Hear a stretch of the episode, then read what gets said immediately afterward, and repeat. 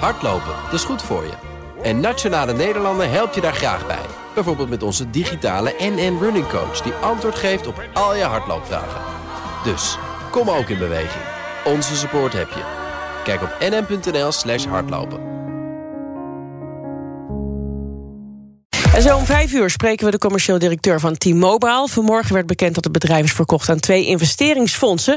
voor 5,1 miljard Tja, euro. dat is, dat is bijna acht keer of meer dan acht keer de winst. Hè? Dat is, is bizar. Lekker toch? Ja, Ehm, wat die overname voor het bedrijf en voor de klant betekent, ook niet onbelangrijk, vragen we zo. Maar nu eerst.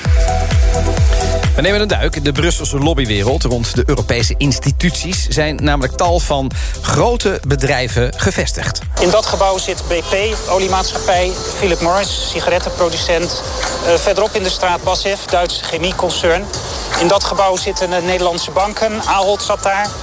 Uh, in dat gebouw zit Boeing, Airbus, City of London. En op de hoek General Electric. En in de straat daar om de hoek Daimler. Ja, even een korte rondleiding en zo kunnen we nog wel even doorgaan. Al dat lobbyen door grote bedrijven, belangengroepen, politici, NGO's... heeft veel meer invloed op onze levens dan wij realiseren. Burgers, journalisten en Tweede Kamerleden... hebben vaak geen weet van wat er in Brussel allemaal bekokstoofd wordt. Journalist Lise Witteman van Father de Money in de Groene Amsterdammer... legt dat allemaal uit in haar nieuwste boek Sluiproute Brussel. En ze is bij ons te gast. Welkom. Ja, dankjewel. Ja. Nou, BNR heeft twee verslaggevers in Den Haag zitten en één Europa-verslaggever. Althans, um, als jij hier hoofdredacteur zou zijn, hè, hoeveel man zou je dan permanent naar Brussel sturen? Ik zou er evenveel in Den Haag als in Brussel hebben uh, zitten, denk ja, ik. Ja. Nou, dan klopt het wel zo'n beetje. We hebben Stefan de Vries en Geert van de Haan op Europa zitten. Ja, ja. En we hebben ook twee verslaggevers in Den Haag. Dus maar bij betreft... de eerlijkheidsgebied te zeggen dat uh, Geert-Jan Haan het ook redelijk veel vanuit hier doet. Natuurlijk. Ja, dat is waar. Die woont in Utrecht ja. en die volgt Brussel ja. vanuit daar. Ja, dat, dat, is waar. Ja. ja, geen poten in de klei. Um, Lise, er, er, is te weinig aandacht voor en we weten niet precies wat er gebeurt, maar het resultaat zien we vaak wel. Dus voor de luisteraar die nu denkt, wat is het grote probleem? Hoe zou je dat samenvatten?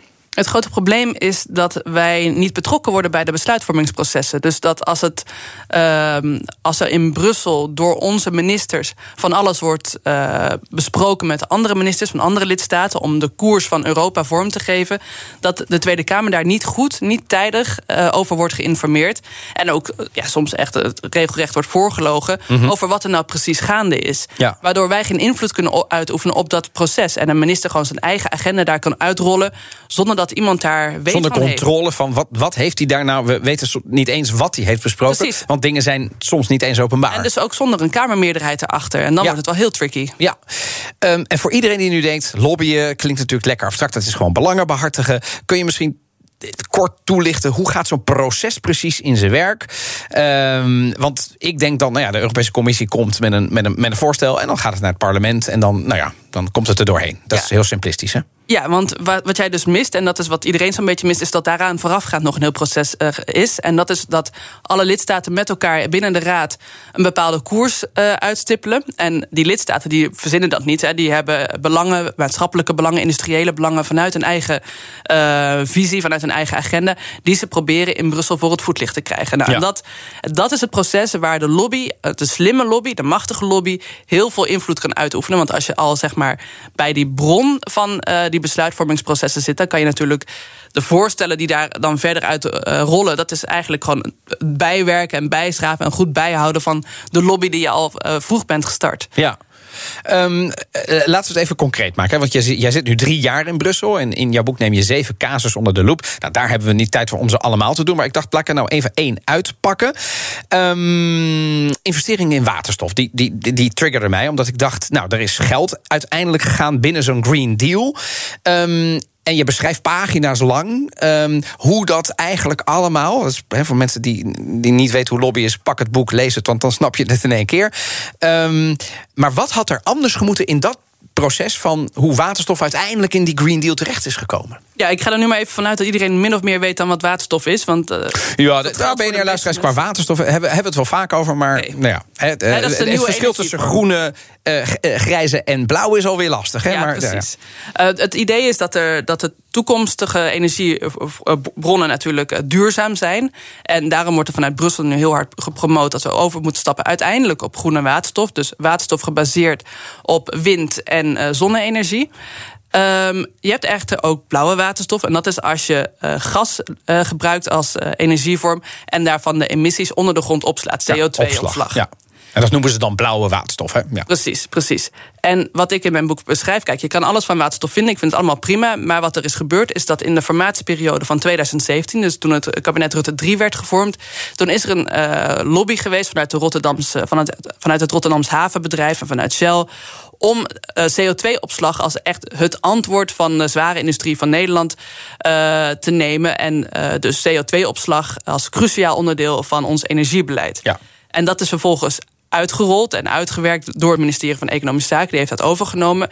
Terwijl er eigenlijk officieel nog door de polder aan een klimaatakkoord werd gewerkt. En officieel Greenpeace nog aan tafel zat. Alle, hè, iedereen nog mocht meepraten, et cetera. Dus op de ene tafel werd er hier in Nederland gesproken met iedereen. En deden we net van, nou ja, maar iedereen mag meepraten. Terwijl zeg jij in de achterkamer van Brussel. Die werden gewoon, die werden gewoon links ingehaald eigenlijk door. En rechts. ja. en rechts, ja. En Economische Zaken, het ministerie heeft toen zelfs een uh, zogenaamde waterstofgezant. Een soort ambtenaar ja. die dan verantwoordelijk daarvoor was gemaakt. Al uh, de hoort opgestuurd naar Duitsland en naar Brussel. om al dat beleid allemaal te gaan bepleiten. en, en uh, de geest al rijp te maken. Terwijl nog steeds dat, dat klimaatakkoord zogenaamd helemaal open en bloot op tafel lag. en iedereen mocht meepraten, et cetera. Nou, dat is dus het verneukeratieve waarvan ik zeg prima als jij graag CO2-opslag als, op, ja. als oplossing wil. Maar dit is niet op een democratische manier waarbij iedereen op het juiste moment werd geïnformeerd tot stand gekomen. Nee. En daar zit de problematiek. En dat punt komt dan ook niet uiteindelijk als het in Europa op de, op de juiste democratische bordjes belandt? Kijk, uiteindelijk kan je zeggen, is er nog een Europees parlement dat helemaal aan het einde van de rit, hè, ze mogen niet zelf wetten maken, maar ze zouden het kunnen wegstemmen.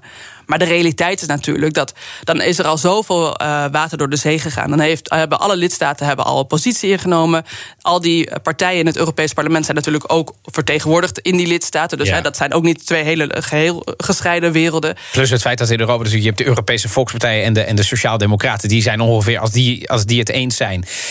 Ja, dan, dan, dan, dan kun je tegenstemmen wat je wil, toch? Dan, dan, dan is het al beklonken daar. Precies. Dus dan is eigenlijk alle. En de geesten zijn ook. Weet je, dan is er al zoveel. Brussel gaat ook heel erg over narratieven. Op een gegeven moment wordt er een soort narratief gelanceerd. Wat bedoel je met narratief? Ja, frame is het Engelse ja? woord. Uh, op een gegeven moment wordt er een soort verhaal gelanceerd over. Nou, hè, we hebben een probleem. Uh, we moeten schonere energie. Waterstof is de oplossing. En zo dat wordt dan. Uh, keer op keer verteld in allerlei paneldiscussies. Uh, lobbyisten kopen tijd in met uh, beleidsambtenaren. Uh, ze zorgen dat ze overal aanwezig zijn. Waardoor op een gegeven moment.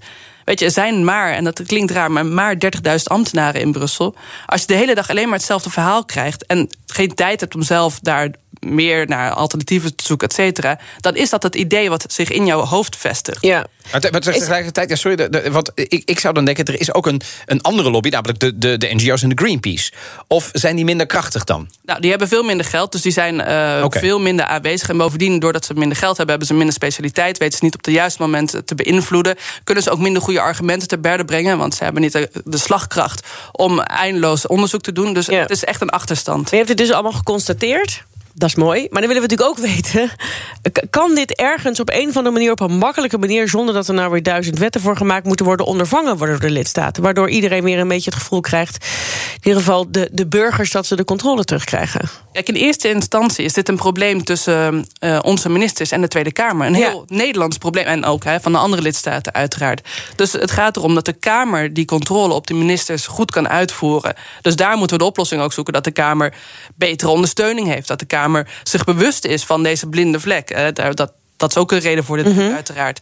En dat uh, wij als media ook uh, daar ook scherp op zijn. Dat we zeggen van ja, minister, wat gebeurt er? U zegt, doet net alsof Brussel autonoom allerlei regels uitbraakt. Maar u was er toch ook zelf bij. Laten we even eerlijk zijn over ja, wat er is gebeurd. Maar dat betekent dus dat, dat, dan verlang je dus ook van de ministeries dat ze transparant zijn over alle afspraken die ze hebben bijvoorbeeld als in de Rotterdamse haven allerlei dingen beklinken over waterstof, dan moet je ook weten dat dat, dat gebeurt. Ja, en daarover moeten we. En we moeten vooral zorgen dat als dat dan niet goed gaat. En we hebben echt genoeg onderzoeksjournalisten die regelmatig laten zien: oh, hier is het dus niet goed gegaan dat, dat het dan ook wordt doorgebeten. Dat, dat zo'n minister ook wordt afgestraft. Want ja, waarom zouden ze anders verbeteren? Ja, en tegelijkertijd uh, zeg jij, het is eigenlijk het kip of het ei verhaal.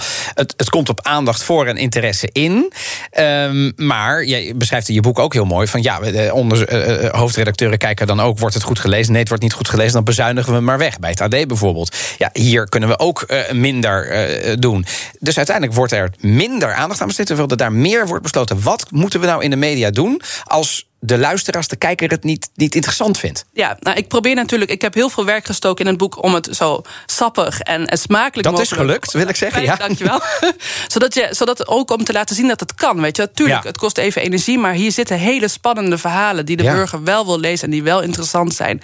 En bovendien denk ik dat nog los van dat je gewoon meer mensen naar uh, Brussel moet sturen, je veel meer kan samenwerken binnen redacties. Hè. Uh, Den Haag, eh, als het over waterstof gaat, als je de energieredacteur hebt, de de redacteur die uh, in Den Haag economische zaken volgt en de uh, Brussel-correspondent. En die werken goed samen. Dan kunnen die integraal zien wat er gebeurt. Ja. En nu zijn het vaak van die gescheiden clustertjes. Ja, dus ook eigenlijk een beroep op de media, de journalistiek. Wordt creatiever hoe je het uiteindelijk gaat brengen. Maar de boodschap is: breng het sowieso, want het is belangrijk. Dat is je democratische plicht. Dankjewel, Lise Witteman, journalist in Brussel voor Follow the Money in de Groene Amsterdammer en auteur van het boek Sluiproute Brussel. Hardlopen, dat is goed voor je. En Nationale Nederlanden helpt je daar graag bij. Bijvoorbeeld met onze digitale NN Running Coach... die antwoord geeft op al je hardloopvragen. Dus, kom ook in beweging. Onze support heb je. Kijk op nn.nl slash hardlopen.